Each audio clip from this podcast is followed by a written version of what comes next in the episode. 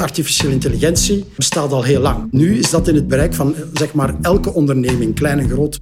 Dus aan de ene kant is er de vaststelling dat artificiële intelligentie omnipresent is. In alle sectoren vinden we toepassingen. Maar als we dan binnen een eh, sector, een industrie gaan kijken, dan vind je toepassingen in verschillende, wat ik lines of business noem, zeg maar functionele departementen. Als we eerlijk zijn, dan is het uh, publiek in het financieel departement uh, redelijk conservatief. In het financieel departement is er ook geen creativiteit nodig of wenselijk. De regel is de regel. Creative accounting is niet echt wat we willen. Dus in die zin is het niet verkeerd om terug te vallen op bewezen praktijken. U luistert naar de FD Magazine podcast. Een bekende journalist interviewt een expert over een actueel thema. De gasten inspireren u over wat beweegt in de finance sector en geven hun visie op de toekomst. Uw gastvrouw is Liesbeth Imbo. Welkom iedereen bij een nieuwe Finance podcast. En we gaan het deze keer hebben niet zozeer over finance zelf as such, maar over hoe ook in dit domein artificial intelligence meer kan dan wat er nu soms mee gebeurt. Wie daar alles over weet, dat hoop ik toch, maar daar ben ik bijna zeker van, is mijn gast, Peter van eh, Kranenbroek van Profix. Welkom. Lisbeth. Wat is Profix en wat doet Peter daar?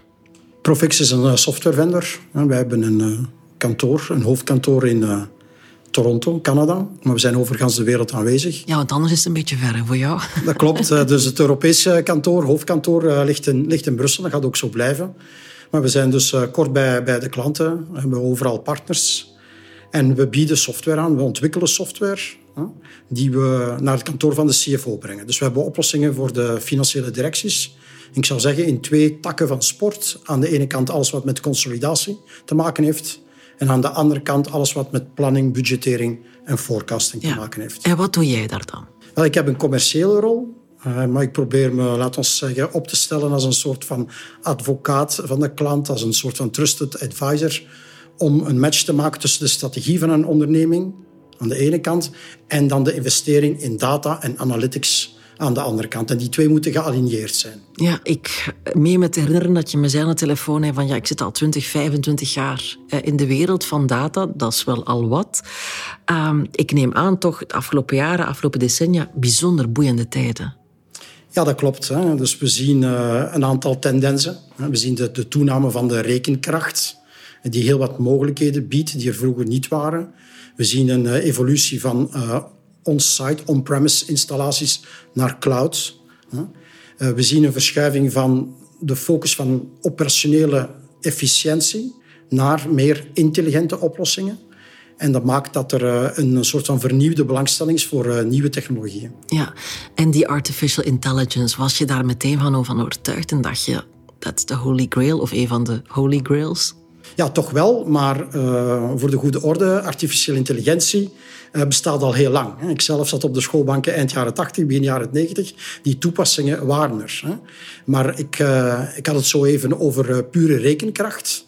Om die modellen, um, laten we zeggen machine learning algoritmes, deep learning algoritmes, om die toe te passen heb je bijzonder veel rekenkracht nodig en die waren vroeger aanwezig in rekencentra van grote universiteiten. Nu is dat in het bereik van zeg maar, elke onderneming, klein en groot, gekomen. Ja, het is ook natuurlijk wel, denk ik, een sector waar ook, zelfs ook vanuit jouw rol, je continu, je moet updaten, bijscholen, resetten om in de termen te blijven. Ja, zeker als het gaat over toepassingen. Dus we gaan uit van een soort van business context. Er moet, een, eh, er nuttige toepassing zijn. De technologie op zich is niet zo spannend. Dus ik, ik zei het al, ze bestaat al jaar en dag. Ehm, maar, dus de toepassingen... maar de toepassingen, dat neemt wel hand over hand toe. Hè? Ja, inderdaad. Ik bedoel, uh, met ChatGPT is het in het, uh, in het journaal gekomen. Uh, de, in de woonkamers, oma's en opa's hebben het erover, gaan er ook mee aan de slag. Het is heel laagdrempelig. Dus als een technologie zeg maar, particulieren bereikt, dan kan je rustig zeggen dat ze heel matuur is. dat klopt. Ja, alhoewel, ik kan me wel inbeelden, ook ik gebruik het wel eens, ChatGPT, maar eigenlijk te goed weten wat artificial intelligence is. Ik denk dat daar misschien zelfs CFO's ook nog te onvoldoende misschien weten wat daar de draagwijte kan voor zijn, voor henzelf en hun bedrijf? Ja, dus de meeste toepassingen die we vandaag zien zijn uh, machine learning algoritmes, uh, waarbij dat het model uh, slimmer wordt, ook geleerd uit fouten. Je hebt ook toepassingen van deep learning. Maar daar zijn nog meer gegevens voor nodig. Daar moet zwaarder geïnvesteerd worden om voldoende relevante data te verzamelen om bruikbare resultaten uh, laten we zeggen, te verzamelen. Maar als we het hebben over praktische toepassingen, dan zie je die in alle industrieën. Je ziet die al jaren en dag in retail, maar je ziet dat ook in de bankaire wereld, verzekeringsmaatschappijen, maar ook in de gezondheidszorg. Uh, we weten dat uh, als het bijvoorbeeld op kankeronderzoek um, neerkomt, dat de artificiële intelligentie de betere prestatie levert in vergelijking met de beste specialisten. En vooral, de kwaliteit is constant en voorspelbaar. De beste arts kan een zwakke dag hebben of in een sterke dag een zwak moment. Artificiële intelligentie is er overal en altijd. Ja. Maar dan zou je zeggen van ja, inderdaad, ook in de wereld van finance gebruikt men dat volop. Want daar wil je toch geen zwakke dag hebben en iets over het oog en het hoofd zien. Maar toch wordt het daar relatief nog altijd te weinig gebruikt. Dat klopt. Hè. Dus aan de ene kant is er de vaststelling dat um, wat artificiële intelligentie omnipresent is. In alle sectoren vinden we toepassingen. Maar als we dan binnen een uh, sector, een industrie gaan kijken, dan vind je toepassingen in verschillende, wat ik lines of business noem, zeg maar functionele departementen. De sales, ontwikkelingen, dat Sales en marketing bijvoorbeeld. Maar iedereen kent de toepassing van, uh, in customer service, waar een soort van chatbot de communicatie op zijn minst op gang brengt. Wat ook toelaat om customer service 24 op 7 uh, te, gaan, uh, te gaan bieden. En dan vraagt dat ding altijd, heb ik jou geholpen? En dan klik je heel vaak nee aan. nee, oké, okay, maar het spaart een interactie uit. Uh, dus die, die chatbots kunnen, kunnen toch wel wat intelligentie herbergen. Um, ze kunnen beroep doen op frequently asked questions. Ze kunnen zelf met alternatieve voorstellen komen. Maar je ziet, samengevat, toepassing in zowat alle domeinen. Ik zou zeggen, behalve finance. En hoe komt dat dan? Wel, als we eerlijk zijn, dan is het uh, publiek en het financieel departement uh, redelijk conservatief. En conservatief, ik zou misschien beginnen om te zeggen, dat is positief. Want dat betekent voor mij in de eerste plaats terugvallen op ja, bewezen praktijken. We noemen dat soms best practices, maar je kan even goed zeggen common practices. We doen wat we heel goed kunnen. Uh, in het financieel departement is er ook geen creativiteit nodig of wenselijk. De regel is, de regel. De regel is de regel. Creative accounting is niet echt uh, wat, wat, we willen. Dus in die zin is het niet verkeerd om terug te vallen op uh, bewezen praktijken. En dus de mensen die daar werken zijn wat je dan in de insights kleuren zou noemen blauwe mensen. Dus misschien inderdaad mensen die nog meer geneigd zijn om de regels te volgen. Dat klopt. Hè. Dus inderdaad, het publiek uh, is eenkleurig. Uh, er is weinig afwijking. Uh, ik zou een nuance willen brengen, daar waar financiële mensen ook managementverantwoordelijkheden uh, opnemen. Ik zou zeggen buiten het departement Finance. En dan hebben we het over de nieuwe rol van, van de CFO. Dan gaan die ook andere kleuren laten zien. Hè. Dan, gaan die, dan gaan die ook geel zijn, dan gaan die ook rood zijn, daar waar nodig. Dat is een positieve evolutie. Maar over het algemeen kan je zeggen, we leven in een conservatief milieu en in België komt daarbij dat we sowieso heel conservatief zijn als het gaat over IT-investeringen. Ja. ja. En we zijn rijkelijk laat met het omarmen van technologieën die je elders in de wereld, vooral in de Anglo-Saxische wereld, uh, hebt zien opduiken, die daar matuur geworden zijn. En dan van, via de Verenigde, van de Verenigde Staten naar de UK komen en zo via Nederland naar continentaal Europa. Maar we zijn laat met het omarmen van technologieën. En dat zie je dus ook in de investeringen die maar gebeuren dan? Ja, dat klopt. Hè. En dus wij de, de laatste jaren hebben wij natuurlijk allemaal uh, efficiëntieverbeteringen willen realiseren in ondernemingen. Als het gaat over uh, eh, ERP-implementaties. Maar er is weinig intelligent aan een ERP-oplossing. Dus in, in moeilijke economische tijden blijft het financieel uh, departement geïnteresseerd om kosten te besparen. Dus mensen gaan continu op zoek naar efficiëntiewinsten. In plaats van te gaan investeren. Ja, en natuurlijk, je moet steeds meer middelen toevoegen om een marginale uh, efficiëntiewinst te boeken. Dus je moet meer middelen toevoegen voor kleinere opbrengsten. Dus op een bepaald moment houdt het op. Je kan niet blijven saneren. Ja. Dus dan moet je het geweer van schouder veranderen en moet je meer visionair zijn. Maar dat betekent ook meer risico accepteren in je project. Wat daar tegenover staat, is dat de geanticipeerde opbrengst ook veel hoger is. Ja, er is meer risicogehalte, maar de opbrengst is zoveel groter dan die ordinaire kostenbesparing. Ja, want je zei ook uh, tegen mij van ja, je moet inderdaad niet alleen kijken naar efficiëntie, maar ook naar intelligentie. Dus investeren om eigenlijk als bedrijf slimmer te worden.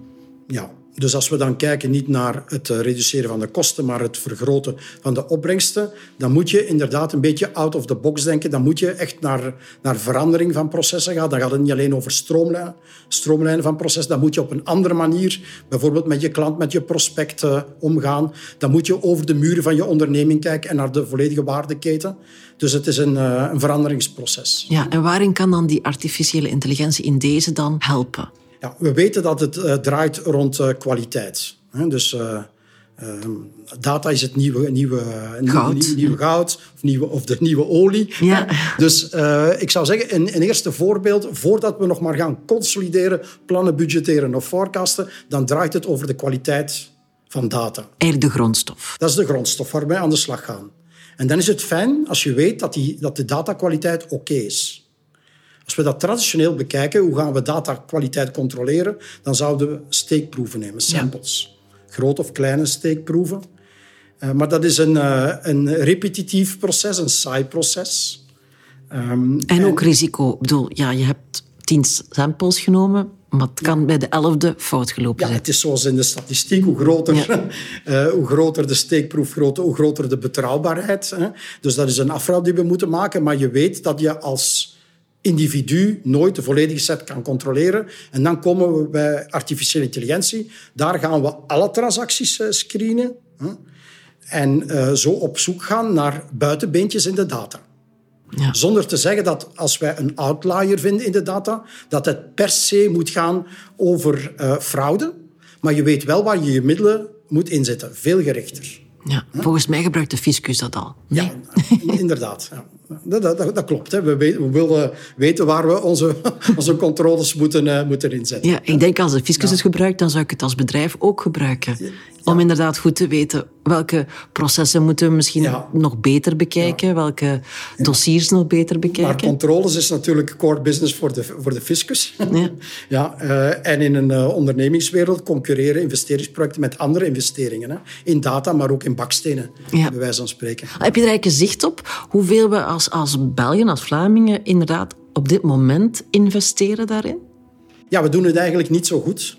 Dus wij hebben zelf in het eerste kwartaal van dit jaar 700, meer dan 700 finance professionals bevraagd. Ook een steekproef. Ook een steekproef. We kunnen niet al onze klanten, dat zijn er duizenden, uh, bevragen. Maar uh, 700 is, uh, is best veel. En wij hebben alle regio's bevraagd waar we actief zijn. En ik zei, we zijn een globale speler. En daar hebben we een aantal lessen uit kunnen, kunnen trekken. Dus we zien ja, dat er bezorgdheden zijn op het vlak van van inflatie, tekorten op de arbeidsmarkt. Dus, uh, en je ziet daar wel regionale verschillen. Maar ook een van de regionale verschillen die wel treffend uh, zijn, is het, um, ja, het gebrek aan appetijt om te investeren in technologie. In Benelux lager dan in de andere landen waar we aanwezig zijn. Onze buurlanden, maar ook veel lager dan natuurlijk in de UK of de US of Canada. Ja, terwijl, dat zijn we net aan het vertellen, die grondstof is belangrijk, die data van waaruit je kan vertrekken en hoe beter je je data kan beheren en controleren, hoe meer je naar die forecast kan gaan, wat ook belangrijk is. Mm -hmm. Wat is dan inderdaad die stappen die je kan zetten? Je hebt dus artificiële intelligentie in je bedrijf binnengebracht om beter je data te gaan screenen, anomalieën te gaan zien, de buitenbeentjes en dan. Ja. Ja, dus mensen moeten op zoek gaan naar een, uh, naar een toepassing uh, waar inderdaad uh, een hoge opbrengstverwachting is. zonder dat dat bewezen is. Dus de, de manier waarop dat kan gebeuren is via een proof of concept. Maar wij als softwarevender gaan, de, gaan het publiek ook helpen. Dus wij gaan die artificiële intelligentie, die algoritmes, we gaan die inbakken in onze software. Dus de dag dat zij Profix implementeren, krijgen ze dat gratis mee. Ja. En dat kunnen we op twee manieren doen. Uh, ofwel gaan we de data eerst masseren en beschikbaar maken dat ze in de, in de goede datakwaliteit aankomt.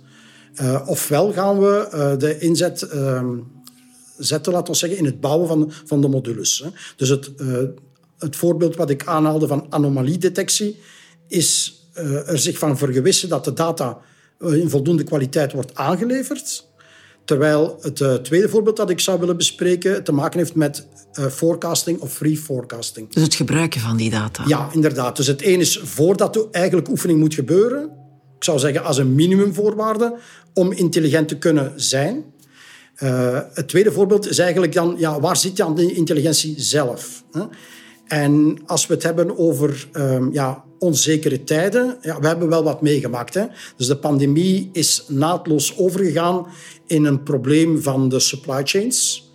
Met problemen van levertijden, maar ook leverbetrouwbaarheid. Gekoppeld aan een voedselcrisis, een energiecrisis, inflatie in het algemeen, oorlog op ons continent. Dus er zijn nogal wat factoren van onzekerheid. En je kan snel beseffen dat in onzekerheid met een veelheid van parameters, als je die combineert, dat dan die context te moeilijk wordt, te complex voor de slimste breinen in van je onderneming. Dus als je zegt te moeilijk voor de slimste breinen in een onderneming, dan zeg je ook te moeilijk voor de spreadsheets of versies van spreadsheets van die mensen. En dan heb je gespecialiseerde software nodig die gaat helpen bij dat planningproces. Plannen, budgetteren en forecasten. Eigenlijk een beetje forecasten als in uh, allerlei scenario's maken. Van worst case tot alle grey cases daartussen tot best case. Dus we zien dat nu heel wat bedrijven uh, gaan naar een soort van continue planning, waarbij dat op elk moment een soort van what-if-analyse uh, kan gebeuren, waarbij we een aantal parameters, laten we zeggen, laten veranderen om een simulatie te maken van de toekomst. Niet in de hoop dat het werkelijke scenario wat zich volgend kwartaal, volgend jaar gaat voordoen, dat we dat inderdaad al in het lang en het breed hebben uitgetest. Maar het gaat over het klaar zijn voor het scenario wat werkelijk uit de bus komt. En dan mag het best ambitieuzer zijn dan best case, worst case uh, scenario's. Dus uh, we kunnen een onbeperkt aantal scenario's uh, evalueren. En binnen die scenario's kunnen we meer dan 1, 2, 3 parameters laten veranderen. Ja, maakt dus ook inderdaad dat als je bedrijf hebt, dat je sneller kan gaan schakelen. Dat je vaker dan ook moet gaan kijken naar die forecast? Het gaat over accuraatheid en het gaat over uh, een, meer, een hogere periodiciteit. We gaan regelmatiger, wanneer het nodig is, een forecast of een reforecast maken. En daar komt uh, ook uh, intelligentie, of uh, artificiële intelligentie bij te pas. Want wij gaan de mensen helpen in de job om te gaan reforecasten. Ja. Mensen kunnen heel moeilijk eh, starten van een wit blad. Dus de filosofie is dat wij op basis van wat we de actuals noemen, de cijfers die zich hebben voorgedaan in de, in de, laten we zeggen, in de geschiedenis, de afgelopen maanden en kwartalen, we gaan uh, een, laten we zeggen, een model of modellen loslaten op die data om met een forecast te komen. Ja. Die forecast kan dan nog altijd de bron van een nieuwe analyse zijn, kan ook het finale resultaat opleveren. Maar mensen kunnen heel gemakkelijk zeggen, dit cijfer klopt niet, dat moet zo en zo veranderd worden, eerder dan van een wit blad. Ja, maar eigenlijk, je zegt, um, ja, artificiële intelligentie is natuurlijk hè, slimmer dan de slimste van de klas. Maar uiteindelijk zal het toch nog weer een mens zijn, die CFO of iemand anders, die ermee aan de slag moet en moet gaan interpreteren en dus beslissingen nemen. Ja. Dus, dus in die zin eh, verandert er eh, niet veel. Het blijven veranderingsprocessen, eh, IT-investeringen. En het is belangrijk dat de deliverable, de uitkomst van zo'n model, dat dat ook gedragen wordt door de organisatie. Dus als consultancyfirma, wij leveren ook zelf consultancy, maar we hebben ook heel wat partners die onze software implementeren, is het belangrijk om die buy-in bij onze klanten te realiseren. Ja.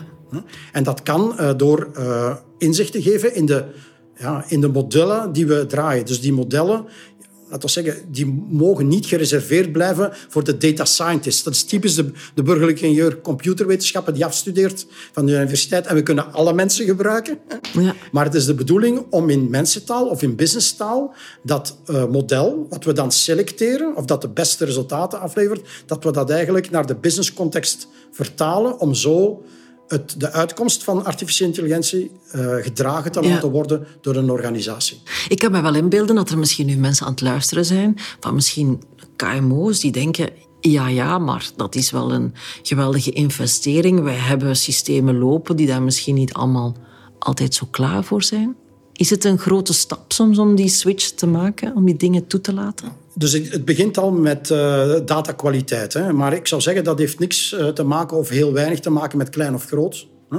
Maar we moeten het inderdaad doen met de data die voorhanden is. Hè. En wat ik aangaf voor machine learning en de meeste toepassingen van artificiële intelligentie zijn machine learning, hebben we niet een gigantische berg data nodig. Voor deep learning ligt het net iets anders. Maar dus de toepassingen van artificiële intelligentie zien we ook bij ik zal zeggen niet de kleine onderneming, maar bij de middelgrote onderneming. Het is een haalbare kaart. Ja, ab absoluut. Ja. Um, en wij als softwarevendor maken het ook verteerbaar door die artificiële intelligentie laten we zeggen, met de broncode van de software mee te geven. Ja. Dat het ingebakken is om inderdaad die stap uh, uh, kleiner te maken. Ja, ik kan me wel inbeelden. Je zegt ook hè, van ja, we lopen een beetje achterop. Hè. We investeren wat minder dan de buurlanden. Is dat zo erg? Ja, is erg in die zin Behalve dat, voor dat jullie. Er is, er is een opportuniteitskost. Hè. dus in die zin uh, is het, een, het, is, het is een kost, maar het is dus eigenlijk de opbrengst van de gemiste kans, ja. als je wil. Dus in die zin vind ik het wel erg, maar het is een, ja, op zich biedt het dus een opportuniteit om inderdaad die inhaalbeweging te maken. En uh, ja, er is, wat ik zelf zie is, succes uh, is aanstekelijk. Hè? Dus wij vinden, ja, we treffen wat sceptisch aan. Ik zeg, dat heeft te maken met het terugvallen op, uh, op bewezen praktijken. Um, maar ik heb gemerkt vanuit mijn verleden dat als er één use case wordt gerealiseerd, dat de mensen die sceptisch waren in de rij staan aan te schuiven om de tweede, derde toepassing te realiseren. Dus ik zie vooral opportuniteiten. Uh, maar het is opmerkelijk, inderdaad, Benelux loopt achter. Uh, ja. Uh, maar, maar wie achterloopt, ja, het is dat, wie achterloopt kan weer een effort doen en proberen hè, voorin mee te gaan lopen. En dan zijn ze misschien bij deze door jou geïnspireerd. Peter van Kranenbroek van Profix, dank je wel. En u ook om helemaal tot het gaatje deze podcast te beluisteren. Graag tot een volgende.